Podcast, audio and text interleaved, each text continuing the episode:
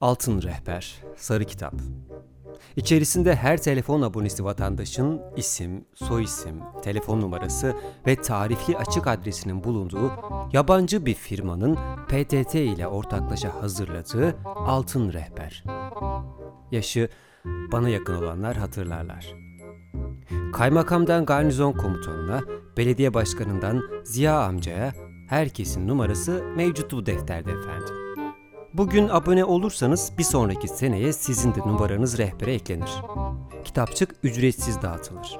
Her telefon kulübesinde mutlaka bir tane bulunur. Tüm tanıdıkların isimlerinin altı çizilir. Kendi numaranızın orada olması durduk yerde hoşunuza gider. Rehberde isminizin, adresinizin yer almaması için ayrıyeten başvurmanız gerekirdi ama o yıllarda kimse buna ihtiyaç duymazdı. Efendim tarifli adres diyorum. Merkez Camii'nin yanındaki tüpçünün bitişiğinde diye yazardı mesela. Kimse için bu kadar kişisel bilgilerinin hem de ücretsiz bir şekilde herkesin elinde olması sorun değildi.